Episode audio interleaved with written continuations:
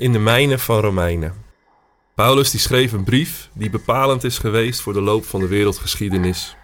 Een brief die ook wel de kathedraal van het christelijk geloof wordt genoemd. Een brief die erom vraagt om gelezen en herlezen te worden. Een brief waar je schatten in kan opdelven, waar je in kan graven en waar je in kan zoeken. Een brief van Paulus, speciaal voor jou.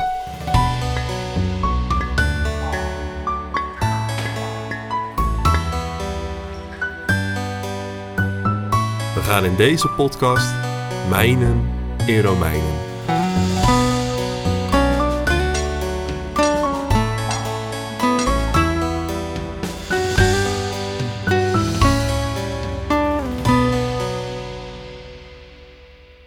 Febe rolt de brief op en kijkt rond in de kring luisteraars.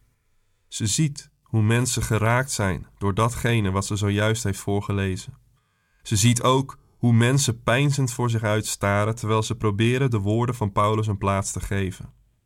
De eerste vragen komen over gerechtigheid en geloof, over de nadruk van Paulus op de onderlinge eenheid, terwijl er zoveel onderlinge verschillen zijn, over Jezus Christus als de Messias van Israël en het ongeloof onder veel Joden.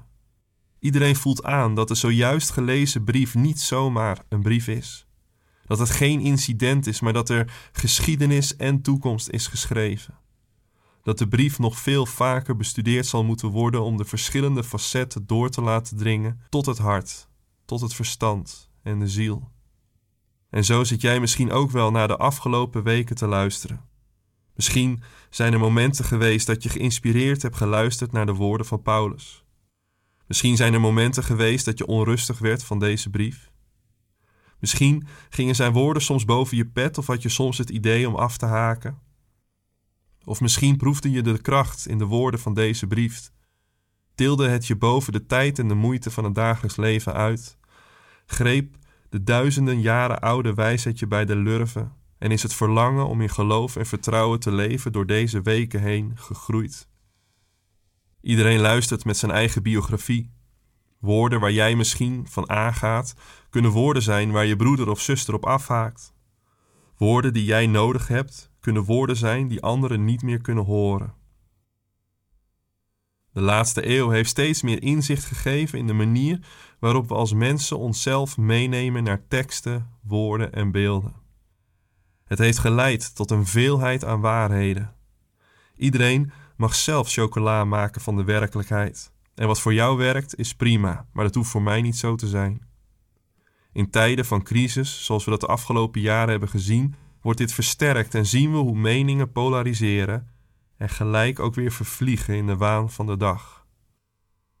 Dat is de reden geweest om stil te gaan staan bij een brief uit het verleden die al duizenden jaren meegaat die de tand des tijds heeft doorstaan.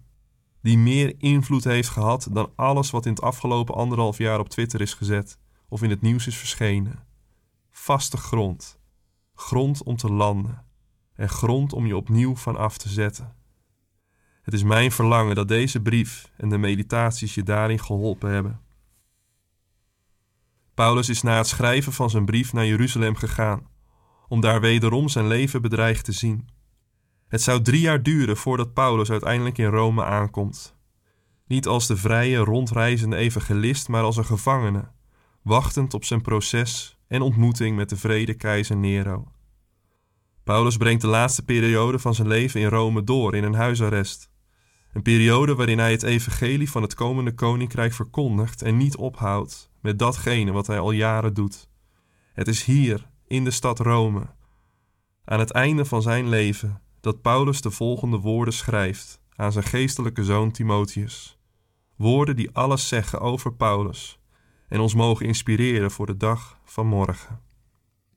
God heeft ons niet een geest van lafhartigheid gegeven, maar een geest van kracht, liefde en bezonnenheid. Schaam je er dus niet voor om van onze Heer te getuigen. Schaam je ook niet voor mij, die omwille van Hem gevangen zit maar deel in het lijden voor het evangelie met de kracht die God je geeft. Hij heeft ons gered en ons geroepen tot een heilige taak, niet op grond van onze daden, maar omdat Hij daartoe uit genade besloten heeft. Deze genade was ons al voor alle tijden gegeven in Christus Jezus, maar nu is ze bekend geworden, doordat onze Redder Christus Jezus is verschenen, die de dood heeft vernietigd en onvergankelijk leven heeft doen oplichten door het Evangelie. Van dit Evangelie ben ik verkondiger, apostel en leraar.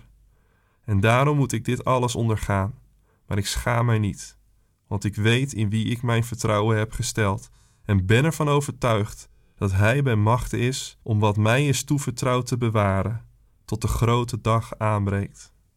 Neem als richtsnoer de heilzame woorden die je van mij hebt gehoord. Hou vast aan het geloof en aan de liefde die in Christus Jezus zijn. Bewaar door de Heilige Geest die in ons woont het goede dat je is toevertrouwd. Amen.